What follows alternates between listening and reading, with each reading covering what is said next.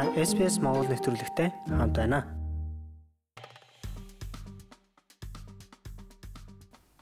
Сайн байцгаана уу? SBS Mongolia та бүхэнд энэ 7 хоногт болсон ковидтай холбоотой үйл амьдралын мэдээллийг нэгтгэн хүргэж байна.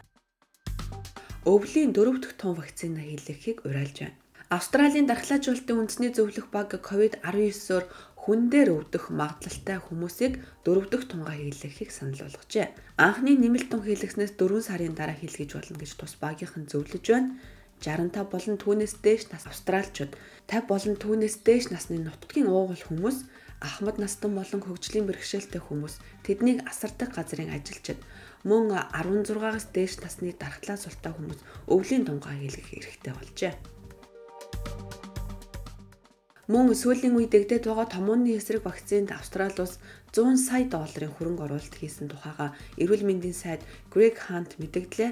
Тэрээр Томоо болон COVID-19 вакциныг нэг дор хийлгэх нь аюулгүй хэмээн дүгнсэн дархлаажуулалтын үндэсний зөвлөх багийнхны дүгнэлтийг энэ үеэрээ дурдан хэлжээ.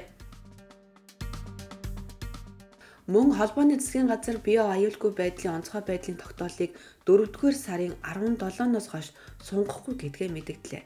Энэ нь Австрали руу нэвтрэхийн тулд нислэгийн өмнө COVID-19 шинжилгээ заавал өгөх шаардлагагүй болно гэсэн үг юм.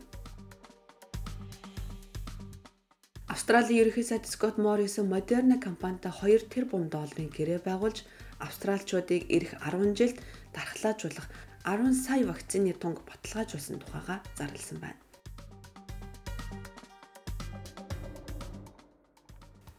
Квинсленд мужийн улсын сургуулиудад ковидын тохиолдол 55 хувиар өсжээ. 14 мянган сургуулийн сурагчид ковидтай байгаа учраас мужийн засгийн газраас сургууль дээрээ заавал маск зүүдэг дүрмийг сэргээх талаар бодолцож байгаа юм байна. New South Wales мужид COVID-19 тохиолдол сүүлийн 5-7 хоногт 400 хувиар өсжээ. 2024 оноос вакцины үйлдвэрлэх үйлдвэр байгуулна гэж холбооны болон Виктория мужийн засгийн газрууд мэдгдсэн. Гэхдээ одоогоор хаана байгуулах газраа хараахан сонгоогүй байна. Виктория мужийн 18-аас дээш насныхны 64.4% нь 3 дахь тун вакцина хийлгэсэн байна. New South Wales мужийн эрүүл мэндийн газраас өнгөрсөн оны 12 дугаар сард 2 сартай хүүхэд омикроноос болж нас барсныг зарлаж эмгэнэл илэрхийлж байсан. Тэгвэл энэ даваа гарагт 2 настай хүүхэд мөн л омикроноос болж амьд залджээ. Apple Podcast дээр манай нэвтрүүлэгт үнэлгээ өгнө үү? Энэ манай нэвтрүүлгийг хайж олоход бусдад бас туслах юм